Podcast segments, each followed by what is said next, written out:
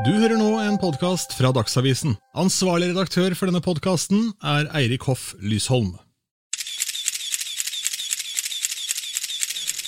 Morgen, velkommen. Vi snakker mote, stil, trender og popkultur. Eh, mitt navn er Espen Hågensen Rustdal. Men dette er jo ikke min podkast, dette er din podkast, Sissel Hoffeng. Hei. Hallo, velkommen. Hei. Takk og takk. I dag har vi også fått med oss en, en gjest. En ikke hvem som helst gjest heller. Vi har fått med oss uh, Norges mest uh, glamorøse dame, Ingeborg Heldal. Åh, oh, for en fantastisk introduksjon. Takk! Ja, det vil jeg gjerne være. Tusen hjertelig takk. Og redaktør i KK. Ja, ja, ja, ja, litt sånn andre ting. Men vi holder oss til det med glamouren, for det likte jeg godt. Jeg har inntrykk av at det går litt sånn hånd i hånd i den glossy-bransjen, gjør det ikke det? Uh, jeg tror nok at veldig mange ville blitt fryktelig skuffa hvis de kom på et sånt overraskende besøk til KK-redaksjonen og tror at de skal få The Devil Wears Prada, for der er det mer sånn Brøtning wears joggedress og jobber på kontor. Så det er, det er ikke så veldig glamorøs uh, hverdag, men jeg tar det ut på andre arenaer i livet. så bra, for det skal vi snakke om i dag. Vi skal nemlig snakke om Jeg kaller det Melodi Grand Prix, men det heter vel Eurovision? Ja, det heter Melodi Grand Prix når vi er på en norsk scene og skal kåre vår representant, eller vinner. Men uh, ute i, i, Europa og verden så er det Eurovision Song Contest. Ikke sant. Og, og, det er ikke noe hemmelighet at du er en stor fan av det. Og du har jo til og med ledet uh, et par Grand Prix-sendinger, har du ikke det? Ja, eller ikke det. Det, det ble litt voldsomt. For det, det er, jeg har ikke leda liksom, finalen på norsk TV, men jeg har leda delfinalen fra Tromsø bl.a. Ja, ja. Og så har jeg faktisk et jubileum i år. Uh, ti år i Adressepanelet. Altså de som da tar for seg alle bidragene som skal være med i den store finalen. Betyr det at du har gått gjennom alle årets bidrag? Ja. Ja, Det betyr at jeg har gått gjennom alle bidragene de siste ti åra med lupe. Det er helt fantastisk. Det er mange timer. Ja, det er mange timer. Jeg håper å si det, det, det Fins det så mye tid? Men uh, jeg har sittet og sett gjennom noen av de på YouTube. så Vi kan snakke litt om de etterpå, men jeg tenkte først kunne vi si litt om hva det er som er så innmari fascinerende med dette programmet. Fordi det er jo liksom både glamorøst og litt småvulgært og litt gærent og litt gøy og litt uh, politikk og ja. Hva er det som du er så begeistret for når det gjelder uh, Eurovision?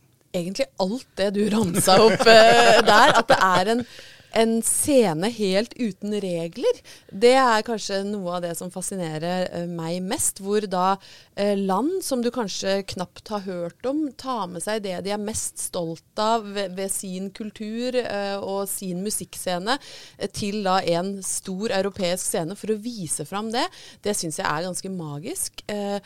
Og så er det Det fascinerer meg at det er akkurat som Og Sandeep Singh, som sitter i panelet, og sa noe som var veldig fint. og Han sa det, akkurat som Eurovision er en liten sånn kapsel i historien som egentlig ikke påvirkes så mye av trender utenfra. Men når du kommer på Eurovision-scena, så, så, så, bare blomstrer det opp alt fra tistler til uh, hortensiaer fra de ulike europeiske landene. Liksom ikke uberørt av menneskehånd, for det er det ikke, men, men uberørt av resten. Altså det, fordi vi har jo hele tida kanskje sånne store eh, overbyggende trender. At ja, nå skal musikken være sånn og sånn, eller nå så sier man det, nå er rocken tilbake, eller nå, nå skal det være sånn og sånn. Men i Eurovision så er de helt uberørt av det. Eh, så det er sånn en liten sånn reise inn i en tidskapsel hvor, hvor alt det rare folk tenker på og er opptatt av, får slå ut i full blomst. Og det syns jeg faktisk er ganske nydelig. Og så skal vi ikke undervurdere at i en tidsalder hvor fader meg alt som er av musikkrelatert underholdning på TV, er kjente eller ukjente folk som synger andre sine sanger, så er dette en arena for originalskrevet musikk. Uh, og det syns jeg er litt underkommunisert. Altså Det liksom det er et trashy show og alt. Ja, men vet du hva, dette her er faktisk musikk som er skrevet for Eurovision fra 40 ulike land som kommer og viser fram det de syns er best fra det året. Og det er et ganske nydelig tidsbilde òg. Det er jo kjempefint. Jeg, jeg, tenker litt sånn at Det som er fascinerende med Grand Prix, er jo at det startet vel opprinnelig som en sånn vennskapskonkurranse med, mellom europeiske land mm -hmm. etter krigen. Mm -hmm. Og så har det på en måte utartet seg til å bli et sånn, hva skal jeg si, akkurat som en kjempesvær fest som er helt ute av kontroll. Og det er masse politikk og masse spetakkel, og man er alltid livredd for bombetrusler og tjo og hei. Det minner meg litt om sånn når du gjør noe fint i borettslaget eller sameiet som skal være hyggelig for alle og så utarter det seg til et veritabelt helvete. Ja, det er på en måte hjemme alene-festen, hvor det kom liksom to busser fra Hamar eh, som ikke var invitert, og så plutselig så var det en fest du ikke hadde kontroll over lenger. Men samtidig så, så er det jo eh, i hvert fall de som da er deltakere, beskriver jo egentlig det første du sa, den derre vennskapsfesten. Eh, at når de kommer dit, så blir de kjent med uh, liksom, si, i gåsehudene rare europeiske land og deltakere derfra. Og, så jeg tror nok at når du står midt i sirkuset, så oppleves galskapen og politikken veldig mye mindre enn kanskje når du har fugleperspektiv eh, på det. da. Så i bunn og grunn så er det fortsatt, i hvert fall fram til 2022, en, en sånn vennskapelig tone i bunn. Men det er klart at Eurovision er jo heller ikke upåvirka av store politiske hendelser. Og det er i år et veldig spesielt år, uh, hvor Russland er utestengt. Uh, Ukraina visste ikke om sine artister, som da er en gruppe med unge menn, i det hele tatt kunne komme, for de skulle egentlig være ved fronten. Uh, så de har jo fått lov å reise til Torino og kommer til å stå på scenen. Det er jo litt eh, Det er vanskelig å sitte eh, med tyllskjørt og lettbeint skulle vurdere årets 40 bidrag når bakteppet er beksvart, men vi må prøve. Mm. for, eh, fordi det, det, du, kan ikke, du kan ikke se helt bort fra det, men samtidig så må det være lov å både eh, slakte og hylle, og så prøve å legge politikken til side. Men klart, den er der som en mørk sky. Ja, jeg satt faktisk og tenkte på det når jeg gikk gjennom årets bidrag eh, i går, og, og tenkte altså Å, shit, det er vel Ukraina som kommer til å liksom få stemmer her. Ja, Eh, det tror jeg vi kan være ganske sikre Og, på. De eh, ligger best an på alle. Alle bettingselskapene har de som favoritter. Så kan du si at på én side så, så er det jo liksom litt feil at uh, man skal stemme av sympati, men uh, vi sitter jo og deler ut poeng til land. Vi sier jo det hvor mange poeng gir du til Danmark eller Moldova. Uh, så det er umulig å ta landet ut av sangen. Og jeg tror nok at i hvert fall folkejuryen klart at eh, Ukraina Det er en måte å vise kjærlighet på til et folk som står i en helt forferdelig situasjon. Så jeg tenker at det at Ukraina mest sannsynlig vinner i år, det får være helt greit. For det er umulig å se bort fra det. Men du, la oss snakke om, om, om antrekkene, for at det er jo en greie i seg sjøl, tenker jeg. Det er uh, mye paljetter og si, mye hud og lite kjøtt. Og Absolutt. Det er mye kjøtt og, og hud òg på noen. Det. det er liksom alt mulig. Jeg tenker sånn, hva, og du nevnte jo dette her med at det er jo ikke nødvendigvis sånn on trend, at det nærmest er som et sånn stilmessig parallellunivers. Dette her vi snakker om, det er, litt, det er litt sånn, uten sammenligning for øvrig, litt sånn dansebandswish. Det er en egen sjanger. Ja, det er en egen sjanger. Men hva er ditt eh, beste og verste stilminne? Oi, verste vet jeg nesten ikke om jeg klarer. fordi at jeg, ja, Jo, verste er Lordi. For det blir, altså når det, for det blir bare tullete. Sånne derre trollmasker fra Finland. Ja, for det kan bli for mye, liksom. ikke sant? Ja, for meg ble det for mye. Jeg, jeg, tror, jeg, jeg mener jo veldig bestemt at Wigwam ble robba året før, som Ja. kom med et mye kulere konsept og en bedre låt. Men så skjønte ikke helt Europa helt at de var klare for liksom såkalt glamrock eller tungrock. Og så kom den derre tullefinske bidraget etterpå, eh, året etter, og vinner. Jeg syns hvem burde vunnet, var mye morsommere. Oh, så det yes. syns jeg er det verste. Men det beste, og der er det så mye å ta av, for dette har jeg selvfølgelig tenkt på før jeg kom hit, så her må jeg dele det inn i litt kategorier, da. Men, men det som påvirka meg personlig mest, det var faktisk et bidrag som var on trend. Og det var Sandra Kim i 1986. Ja. For da kom hun altså i litt sånn kort eh, sjokkrosa eh, paljettjakke, og så hadde hun vel strekkbukser, altså sånne i hvert fall smale, svarte bukser, og eh, tvers over sløyfe. Og så hadde hun piggsveis og litt sånn eh, dinglete øredobber. Det gjorde altså så voldsomt inntrykk på meg, så jeg bestemte der og da at eh, jeg skal ha piggsveis. Så Sandra Kim er egentlig eh, var mitt første stilikon. og jeg tror hun på en måte var skyld i at jeg ikke fikk kline før jeg begynte på videregående.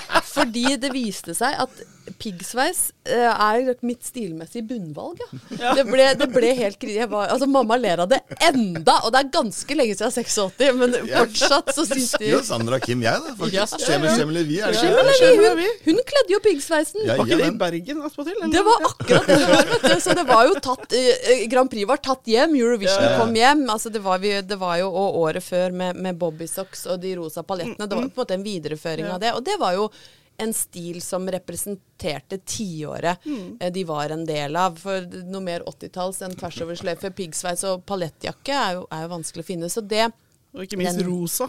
Ikke minst rosa. Og jeg husker jo Bobbysocks. Jeg, jeg kjøpte meg jo de De ble jo så store stilikoner etter sin Eurovision-seier at uh, folk gikk jo helt bananas. Jeg husker de hadde sånn åpen Bobbysocks-bil og bare kjørte rundt i Norge og tok Stemmer imot folkets hyllest sånn, i mange år etterpå. Det var sånn signingsferd, nærmest. Ja, det var liksom. Og de hadde altså da lagd noen sånne solbriller som var nærmest som persienner. Kan dere huske Stemmer de? Ja, ja, ja. Det var jo ikke solbriller, det var jo bare plastikkbriller. Og jeg hadde jo da Det så veldig dårlig, og dette var før kontaktlinsene på en måte endra mitt liv. Men jeg valgte altså da nærmest blind å gå med sånne persiennebriller som en slags hyllest til uh, Bobbysocks. Så da Jeg ble veldig påvirka akkurat på midten av, eh, av 80-tallet. Men ellers er det jo Det er utrolig mange, mange kjoler og antrekk som har gjort inntrykk på ulik måte. Altså uh, Djengis Khan, husker dere kanskje? Ja, ja, Og- ja, Vi kan til, det vi kan går, til og med synge Djengis Khan! ja, det er jo liksom en av de låtene som er en sånn evergreen som bare har limt seg fast i hjernebarken. Jeg husker jo uh, Dana International Oh, fra yes. Israel med, Ja, med de på, eller, ja, papegøyefjær på skuldrene som var nydelig. Gina G sin Paco Rabanne Ja. som var altså sånn paljetter så store som femkroninger, og, og så kort og uanstendig at moralpolitiet besvimte av indignasjon. Sant? Det var, du hadde Bucks Fizz som hadde svingskjørt. Ja, var det ikke de som dro, som dro, Dro av skjørtet? Dro av skjørtet. Ja, ja, det var før metoo, for da var det Ja, det var helt greit, det. Ja, det det var er greit. morsomt du sier at før metoo, for jeg også satt og hørte på sånne gamle kommentatorer i går, og da hørte jeg han som introduserte ABBA. Ja. Og han sa hvis juryen besto av bare menn, så kommer disse garantert til å vinne. Altså, det kunne man si i 1974. Åh, Det er var, det, var, det er en del ting som var jeg holdt på å si bedre før eller annerledes før.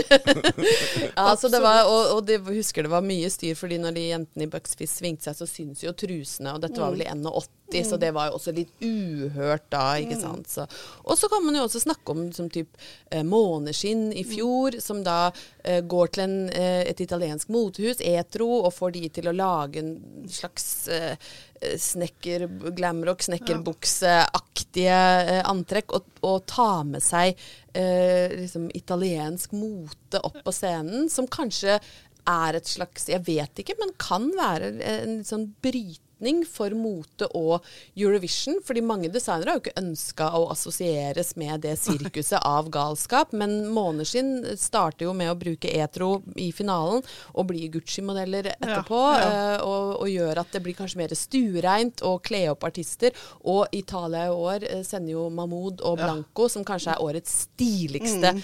bidrag. Så det, det skjer liksom noe, noe hele tida. Akkurat nå så føler jeg at mote og Eurovision kanskje har litt sånn momentum og inn mot eh, designere. da, At flere har lyst til å kle de opp fordi det er litt stilige artister som er med. Det er gøy, for jeg har inntrykk av at imaget til Eurovision har det har gått sånn i bølger. Det var veldig sånn, Man tok det på alvor på, liksom, eh, på 60-70-tallet, og så dalte det litt. Og så har det på en måte blitt tatt tilbake igjen i varmen blant yngre mennesker også. Absolutt. Vi ser det jo. Vi, når vi lager de adresseprogrammene, så har vi med oss en folkejury.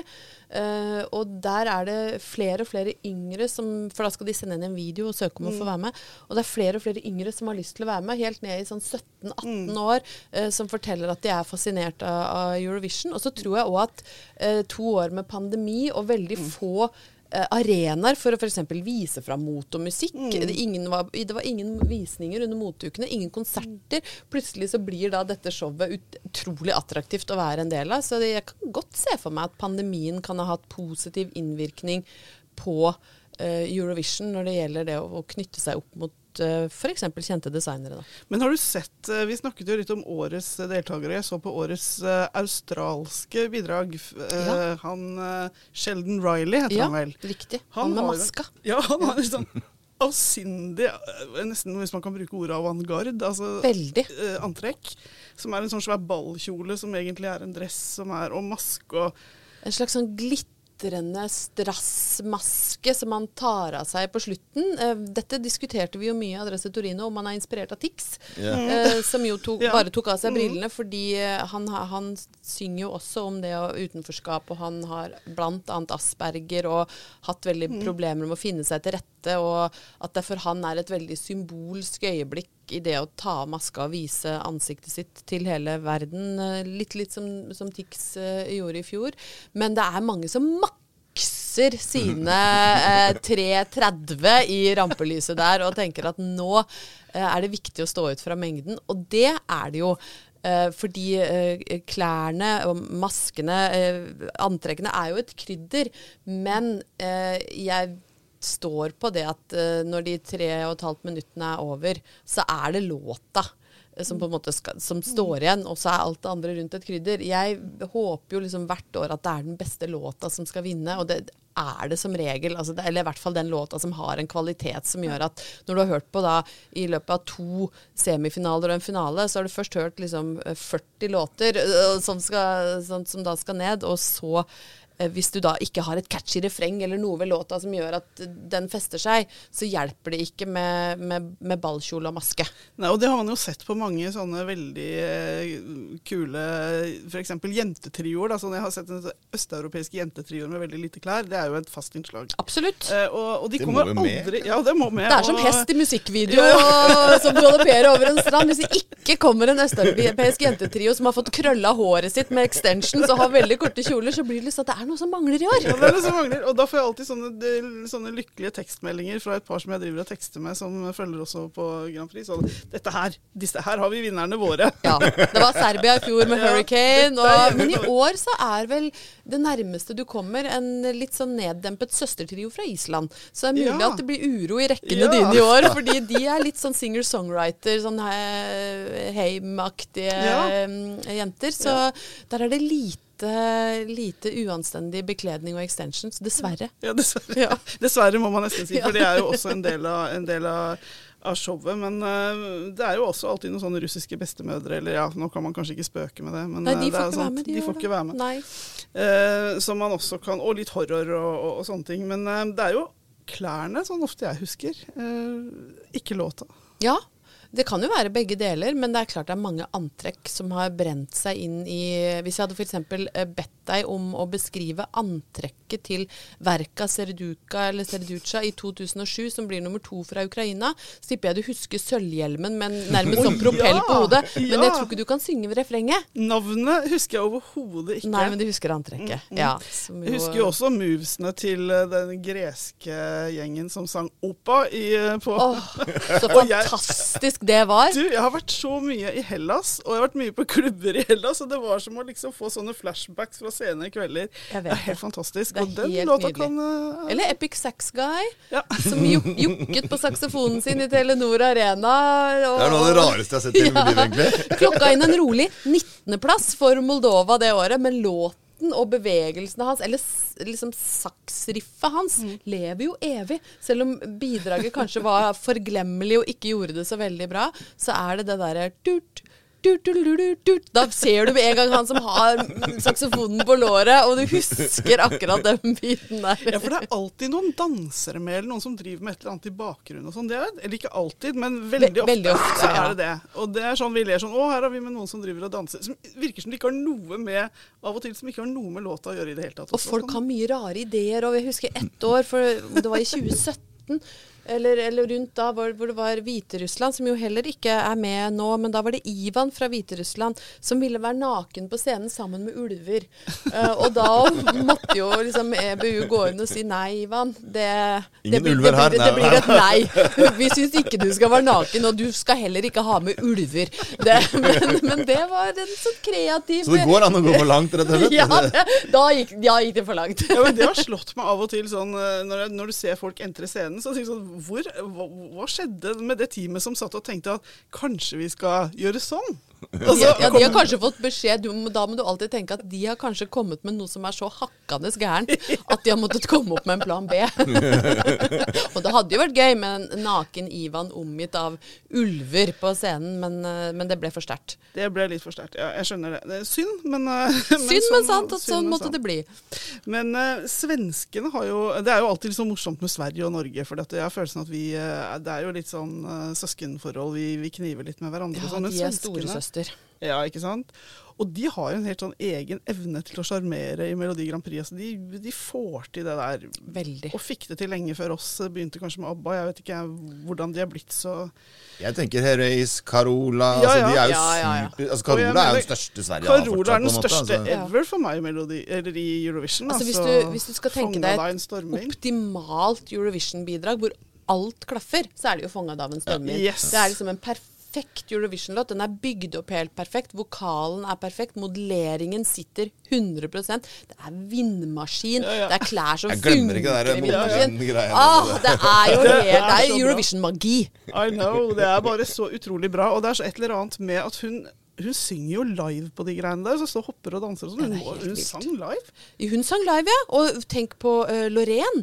Ja. Uh, altså Euphoria. Du, Ja, ja. Jeg kan nesten ikke tenke meg en låt som er vanskeligere å synge live mens du gjør lyrisk, moderne dans i flagrende gevanter, Ja, ja. barbent samtidig. Men hun synger altså så vanvittig bra. Så de har, de har klart å gjøre eh, liksom Melodifestivalen, som de kaller den, da, så eh, ettertrakta at de får med seg helt fantastiske artister. Og så har de jo en egen evne til å finne fantastiske artister. fordi når Carola sang 'Fremling' første gangen hun ble nummer tre, så hadde jeg aldri hørt om henne. Loreen var også helt ukjent uh, for meg. Så det er ikke det at de går etter de store, nødvendigvis de store superstjernene. De bare klarer å finne de artistene som er altså så fan perfekt for formatet, da.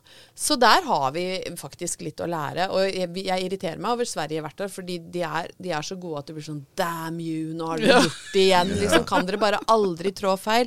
Og så uh, gir vi de tolv sånn needy lillebroren. 12 points. tror jeg, Og så er det Sverige, så er det, får vi kanskje ett eller to poeng, fordi de gidder liksom ikke å være kule tilbake. Så det er liksom en sånn gjentagende irritasjon år etter år etter år. Men det er jo umulig å ikke like det, det de sender, fordi de, er, de har en helt egen touch på det der, altså. De er jo blant verdens desidert største popeksportland. da. Ja. Altså, de er, de, det er noe de kan, så er det liksom 3 minutter og 30 sekunder med fengende musikk. Det er liksom altså, det det er en grunn til at Max Martin og, Ja, ja, og. Avicii og altså det, Og så virker det som de har et helt sånt eh, Det er, det er liksom Det er ikke noe ironisk forhold Nei, nei, til glamour. De har et virkelig et, en ekte kjærlighet til det. Da. Det er på De ordentlig, liksom. Ja, det er på ordentlig. Ja. Jeg føler at vi av og til kan ha litt sånn fordi vi kanskje ikke alltid har fått det til, så har vi, velger vi litt sånn ironisk distanse av og til, eller Ja. vi ler litt av det og sånn. Og da blir det ikke ekte kjærlighet. Nei, det må vi aldri gjøre. Og det er noe av det viktigste budskapet mitt liksom, knytta opp til alt man gjør rundt Eurovision. Hvis du skal være med på noe der, så kan du ikke komme inn med en ironisk distanse og være litt sånn ovenfra og ned og dette syns jeg er tullete, og nå skal jeg være litt sånn frekk og snappy og snakke konseptet ned. Det, det går ikke, fordi du må, du må elske det med hud og hår på en måte. Med, med hviterussiske ulver og ukrainske sølvhjelmer, mm. liksom hånd i hånd med glittermasker fra eh, Australia og korte skjørt fra Storbritannia. Altså alt det dårlige og det gode går hånd i hånd. Altså power ballads fra Balkan. Du må bare omfavne det i all sin groteskhet noen ganger, og bare elske det. Og hvis ikke så blir det bare kleint. Og der, jeg tror mye av nøkkelen til svenskenes suksess er liksom den der stoltheten. De går så rakrygga inn i det. Klart vi skal ha vindmaskin! Ja, Klart ja. jeg skal stå i vindmaskin i liksom flagrende gevanter! Det sier seg jo sjøl. Og, og da blir det bra. Vi er jo på TV. Klart vi skal ha vindmaskin. Ja, Altså. jeg liker den innstillingen. Ja, nei, ironi blir ikke det samme, vet du. Det blir, eh, du kan ikke holde på med det. Ironi og Eurovision er faktisk eh, Det lar seg ikke kombinere. Eller så må du være knallpolitisk. Altså Ja, de, Sami Adnan. Ja, Ja. eller Israel. Altså, det er jo Noen ganger så blir det liksom litt for eh, close to home. Da. Litt for politisk, kanskje. Altså, jeg tenker at når Madonna møtte opp det året, og sånn, så ble det veldig mye greier. Det ble veldig mye utenomsportslig Ja, da, ja. ja. Jeg tror nok at både vi og Madonna skulle ønske at det Ja. aldri hadde skjedd. Det var veldig, veldig rar eh, Det var, det var rare tre. Det, og det var grusomt. Ja. Det var, det, det var Det hadde jeg faktisk fortrengt. Ja, med god grunn. Det viste seg at hun kunne jo ikke synge lenger. Nei, det var fælt. Det var Hun fælt. snubla i trappa, Ja. og det var jo ja. Nei, det var det, det, det må Jeg tror alle gjør lurt i å tenke at fokuset får være på eh, artistene på scenen. Og så skal man jo gjerne vise fram landet sitt litt Mm. i dette pauseshowet. Vi må jo aldri glemme Sissel Kyrkjebø i, i hvit Stemmer bunad. Ja, ja. Eh, Da skal man promotere landet. Man skal ikke fly, bruke 60 millioner på å fly inn Madonna. De Det hadde er Justin. Timberlake et år òg. Altså, jeg syns det er litt rart liksom, å ha sånn andre stjerner. Ja, helt helt som enig. du sier, liksom Det er jo 17. mai på en måte i det landet på Grand Prix. De må jo liksom vise at eh, dette er oss. Sånn er Jeg vi er der. helt enig. Men sånn fra gammelt av så husker jeg eh, Storbritannia hadde jo en sånn, eller England hadde jo en sånn eh, fast tradisjon at de sendte jo alltid den popstjerne. ikke sant? De Sendte Cliff sånn Richard. Cliff Richard Ja, og, og Lulu og sånne ikke sant? som var kjente i utgangspunktet. Sandy Shaw var vel også sikkert kjent.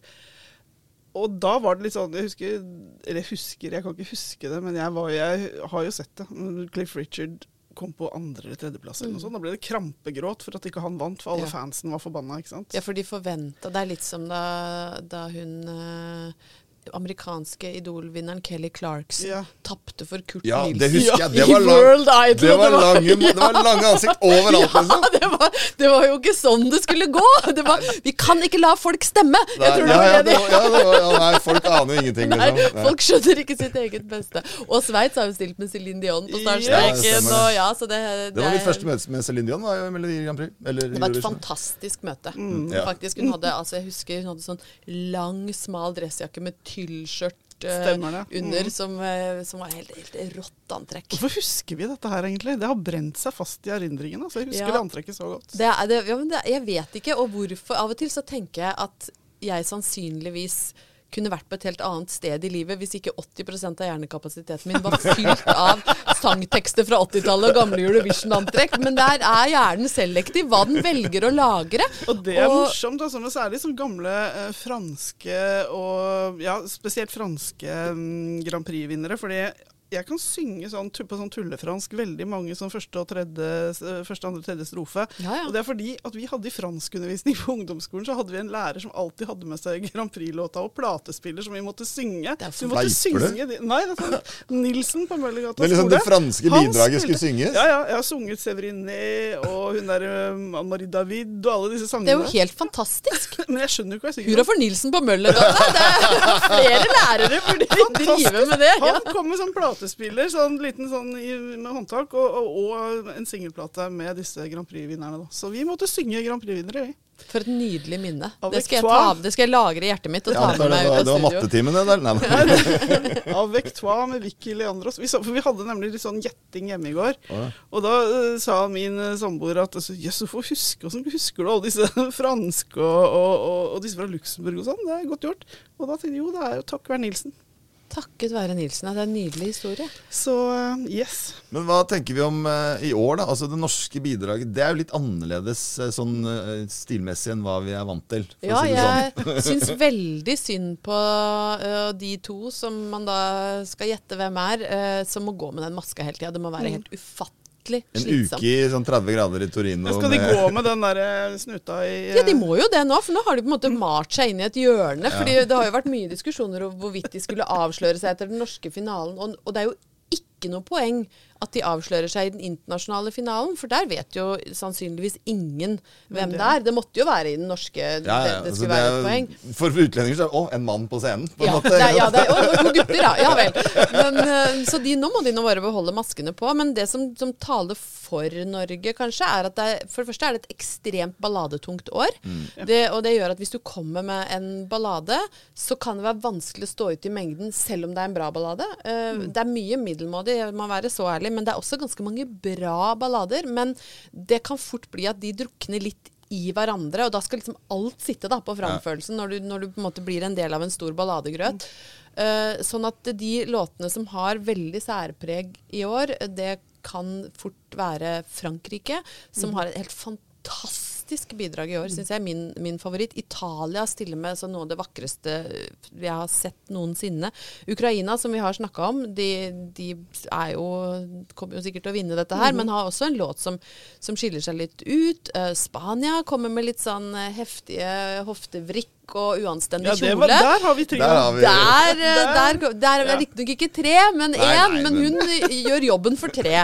Og så kommer Subwoolfer oppi det med liksom maskene og eh, den TikTok-dansen, som jo er et ganske smart grep i 2022. Jeg så det når jeg var på den norske finalen, uh, og de går på, så reiser altså alle under 15 seg og fram med Ja. telefonene sine og lager TikTok-videoer. Og da tenkte jeg når jeg satt ute, ute på H3 Arena på Fornebu, denne vinner i hvert fall den norske. Ja. Så har den jo litt sånn catchy elementer og litt humor og Den er veldig som, catchy. Den sitter er liksom sånn fast etter 33. Den gjør det. Det litt Ja, sånn du går og nynner jam, jam, jam, jam, jam etterpå. Ja, det er Litt sånn det votteste Fox? Yes, eh, og jeg, det er jo mange vibes. som har lurt på om det er Ylvis-brødrene inni, sant? fordi den virker jo til å være ganske inspirert av eh, The Fox. Men, så, så jeg blir fryktelig overraska og skuffa hvis ikke det blir finaleplass Ja, det eh, på hadde Norge. vært jeg, som du, altså, Det er jeg nedtur. skumma gjennom det meste, og jeg må si i hvert fall fem-seks av de balladene klarer jeg nesten ikke å skille fra Nei, men du klarer jo ikke det. Det ligner for mye Ja. på hverandre. Eh, Så, Så jeg tror det at det er Men igjen, altså, Ukraina vinner der, tror jeg. rett og ja, det tror jeg også. Det vil vi bare slå oss til ro med. Med mindre fagjuryen eh, men, men det er vanskelig. Hvordan skal du si til Ukraina i et år som i år at vi liker ikke sangen dere har sendt? Vi. Ja. Det går ikke, rett og slett. nei, det er noe med det. Så i år må Ukraina bare få all kjærligheten eh, i, i form av hva det måtte være, også Eurovision-poeng. Så får vi bare slå oss til ro med det. Men jeg håper at Subwoolfer eh, tar seg til topp ti. jeg. Litt sånn positiv og tenke at folk har lyst til å danse og tulle litt etter to år eh, innesperra i pandemi. Nå vil vi ut og ha det litt gøy, og da passer det norske bidraget ganske godt. Mm. Hva skal du gjøre på, under finalen, du? Skal du gjøre noe spektakulært? Jeg er, ja det skal jeg faktisk. Jeg er i Italia. Jeg er riktignok ikke i Torino, men jeg er i Venezia på en sånn l utsatt tur som skulle vært gjennomført som en bursdagsgave til min sønn før pandemien. Han fikk den i tiårsgave. Han blir 13 etter sommeren, Eh, så nå skal det gjennomføres. Men jeg tror nok at det kommer til å være eh, også muligheter for å se finalen i litt glamorøse omgivelser i Venezia, for de er fryktelig stolte av Mahmoud og, og Blanco i Italia, som jo også vant den San Remo-festivalen som du må vinne for å få delta fra Italia. Uh, og jeg syns det er så viktig og fint bidrag, fordi det er som en nydelig kjærlighetsduett mellom to utrolig vakre menn, hvor det ikke blir gjort noe mer poeng ut av det enn at det bare er en, en, eh, en kjærlighetsduett, og de har sånn kjemi som gnistrer. Eh, Og det er, det, er bare, det er så nydelig. Så jeg skal i hvert fall kose meg med det. Et ørlite glass eh, Prosecco og kanskje litt gelato et eller annet. Og så blir det en paljettkjole med i kofferten, for det er jo Eurovision tross Ja. alt! Tross alt. Ja, men er da bare menneske. Det må jo pynte seg. Ja. Litt overvekt når man tar Ja, det liksom, kan på, bagasjen. meg, jeg kan ikke se for meg at du reiser noe sted da, Ingeborg, uten en paljettkjole i Nei, bagasjen. jeg hadde faktisk et eh, Det var 2020 hvor ingenting gøy skjedde. Hvor jeg hadde blitt sendt på hjemmekontor og skjønte at her blir jeg veldig lenge. Da hadde jeg med en kjole på bilferie til Danmark som var så stor at den hadde eget sete. Og, da, og jeg har en veldig raus og god mann eh, som var sånn Vi skal ha med den, ja. ja. Ja, men jeg skjønner det. Det skjer jo ikke noe annet. Så den satt baki der, um, omtrent med sikkerhetsbelte ved siden av Håkon, min sønn. Uh, en sånn stor rosa tyllmonster. Jeg fikk jo ikke brukt den, så det endte med at jeg tok den på meg siste dag i Skagen og bare gikk litt rundt for å kjenne på at uh, livet er bedre i, i fin kjole. Men Livet er som en heldigvis- musikkvideo. Livet er min egen musikkvideo. Det er det TikTok er til for, er det ikke det? ja, nei, jeg, er ikke på, jeg, du, du skal få, du, jeg skal spare dere for flaue TikTok-videoer. Eh, er- Jeg skal ikke begynne å danse i paljettkjole på TikTok. Men det jeg for er liksom litt sånn med, med den kvelden det er finale, sånn, eh, for de som liker å se på det. Det skal liksom være litt ekstra mat og drikke, og man skal pynte litt, og det, skal, det er litt Ja. stæsj. Og gjerne, eh, gjerne poengskjemaer Mm. hvor man får lov å gi poeng for eh, ulike kriterier knytta til hvert bidrag. Og, og der også har jeg hatt veldig mange fester opp gjennom åra. Uh, og jeg var alltid veldig streng på at hvis du skulle komme og være med, så kan du liksom ikke komme og sitte bakerst i stua og skravle. Mm. Du må like konseptet. Du må være med på leken. Du må gi poeng og- Du må Ja, ja. være med å gi Ja, ja. poeng og, og drikke deg full på det den gangen. Var, ikke bare jo- sitte og, og, og hisse seg på hvor Nei, og det her er så ræva, og og sendinga er dårlig. Denne her er jo enda dårligere enn den forrige. ja, så det, det, Han fyren vil du ikke ha i stua på Eurovision-finalen. Han kan få være med en annen gang, hvor man skal spille gamle plater og høre gjennom hele liksom, katalogen til Kiss. Han, da skal han få være med. eller se Get Back med Beatles. Åtte timer, ja liksom. ja, Men Da, da, da, da er det liksom en annen stemning. Men skal du først se Eurovision-finalen, så vil jeg anbefale alle å se det med noen andre som syns det er gøy. Hvis du skal ha med en sånn sur venn som snakker det ned, da blir det bare dårlig stemning. Så samle de som syns det er morsomt, og gjør, gjør maks ut av det. Vi trenger en morsom, ellevill og grenseløs fest nå midt i 2022, altså. Jeg lever jo sammen med en brite, og han er- blir alltid litt sånn Han blir litt aggressiv utover kvelden, fordi at England har jo fått så dårlige stemmer de senere år. veldig. Og de har jo sendt helt forferdelige ting også. De har ikke tatt det på alvor. Nei. De har hatt liksom Graham Norton som kommentator som rett og slett har sittet og latterliggjort og slakta hele konseptet, inkludert eget bidrag. Eh, det toget har gått. Nå må de ta bort eh, Graham Norton, eller i hvert fall slutte å latterliggjøre det de er med på.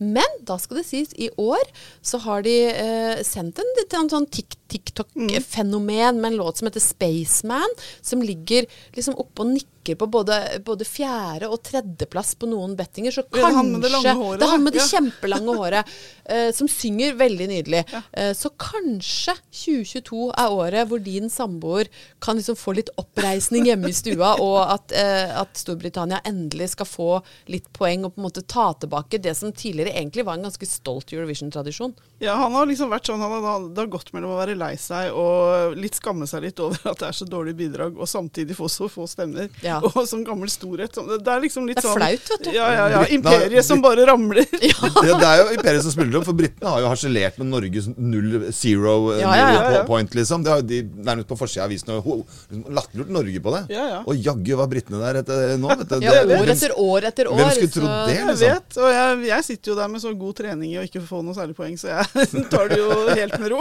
Ja, nei, jeg håper, jeg håper for Storbritannia sin skyld at de nå kan uh, få tilbake litt, uh, litt sånn glede knytta til Eurovision. Empire, Empire Strikes Back. Ja, det er, ja, det er viktig at britene er med, tenker jeg. For de er liksom Ja. så store i De er en av de fem store sant, Ja, som bidrar til å holde liv i EBU. Og, og Ja, det er de som rett og slett ikke må stemme si, de, de har garantert plass. De har garantert sånn? garantert plass sammen med liksom Tyskland og Frankrike og Spania og, og Italia. Italia. Så går de rett til finalen uten å, å trenge de publikumsstemmene i, i semien. Da. Men vi vil jo at de skal ta det på alvor og sende bra bidrag. Mm. Ikke bare noe ræl fordi de må, for da plutselig trekker de seg ut. Og det kan vi ikke ha. Det, dette er jo vårt, eh, vårt lille EU, hvor vi må stå samla. Men dette EU blir jo større og større, for nå er jo Australia med. Ja og nå har jeg hørt at også uh, USA har hatt lyst til å være med. Ja, de har jo lagd litt sånn sitt, sitt eget lille uh, konsept basert Eller lille, det er jo aldri noe i USA som er Sitt eget gigantiske prosjekt basert på Eurovision med litt sånn uh, delstater som konkurrerer mot hverandre og sånn. Men vet du hva, jeg syns det er vanskelig å, å ta en vurdering på hvorvidt det er riktig. Det jeg kan si, er at jeg syns Australia har tilført noe i konkurransen. for de Oh, kommer yes. alltid med fantastiske bidrag av liksom skyhøy kvalitet. Jeg mener jo fortsatt at Dami Im i 2018 ble rana. Da tapte hun faktisk Ja, ja. for uh, Ukraina. Men året før også, han aller første fra Australia. Sebastian ja, den det var, ja, det var ja, ja. helt fantastisk. De, de kommer liksom med noe nytt. Så, så jeg vet ikke, kanskje det blir uh, liksom uh, World of Vision, da. World of Vision. Ja, det er jo Hva om Australia vinner? Det blir veldig rart med finale i Australia. Ja, for det blir på dagtid. Ja, det blir tidsforskjell. Men jeg tror det det. ligger en liten klausul der om at de faktisk ikke får oh, ja, de får ikke arrangere finalen okay. dersom de skulle vinne. Uh, dette er, nå er vi på litt tynn is, men det er- var et eller annet snakk om ja. det. om at da, Men hvem skal ta det da? Jeg tenker, Vinner du, så burde du få arrangere det. Vi får heller bare arrangere det på litt odd tidspunkt for dem, tenker jeg. Så Ja. Europa får se Ja. det på Enig. For, for har vi liksom først sagt at folk skal få være med, så må de kunne få lov til å være med. Enig. Da må de være med ordentlig. Ja, Australia er nesten som Storbritannia, egentlig. tenker jeg. Ja, det de sier- er jo, Det er jo, holdt på å si, det er jo Det, er- det er jo er en del av The Empire. Ja, det er jo en tidligere del av, av imperiet. De er jo de som har måttet opprettholde imperiets stolthet, uten at vi skal bruke Ja, kjempemye nå- på imperiet. Men Men Grand Prix Nei, Eurovision. Nå må jeg slutte å si Grand Prix. Eurovision er jo politisk. Det er jo ikke til å komme utenom. Vi kommer ikke og, utenom det. eh, Ja, vi liker så- å si at ikke det er det, men det er helt, helt umulig å fjerne politikken under holdningen. helt. Særlig i år, da. Hvor det Særlig er liksom helt ja. Og ikke minst også kjønnspolitisk. Altså, Ja, er der har de faktisk åpna dører, vil jeg si. Til Ja, eh, veldig. Conchita med Ja. skjegg og Vi må aldri liksom- glemme Conchita Wurst opp av asken oh. som en fugl føniks i gullpaljetter fra Ja, ja. topp til tå og skjegg. Det var jo et ganske vakkert øyeblikk. Ja, ja, og en låt som kunne gått rett inn som en sånn James Bond-soundtrack. burde vært en Bond-låt. Rise Like a Phoenix. Rise like a phoenix. Ja, skal vi si at vi er ferdig snakka, da, eller? Ja, vi, vi må vel nesten det. Det er vanskelig fin å snakke om det, Rise. ja, Vi kunne jo snakka helt fram til uh, finalen, finalen. ja. Finalen. Du vet det. det har ikke vært noe problem. Nei, men Ingeborg, uh, tusen takk for at du ville dele av din uh, Eurovision-glede. Tusen takk for at jeg fikk komme. Og takk for at Takk for at dere hørte på, dere som Ja. gjør det.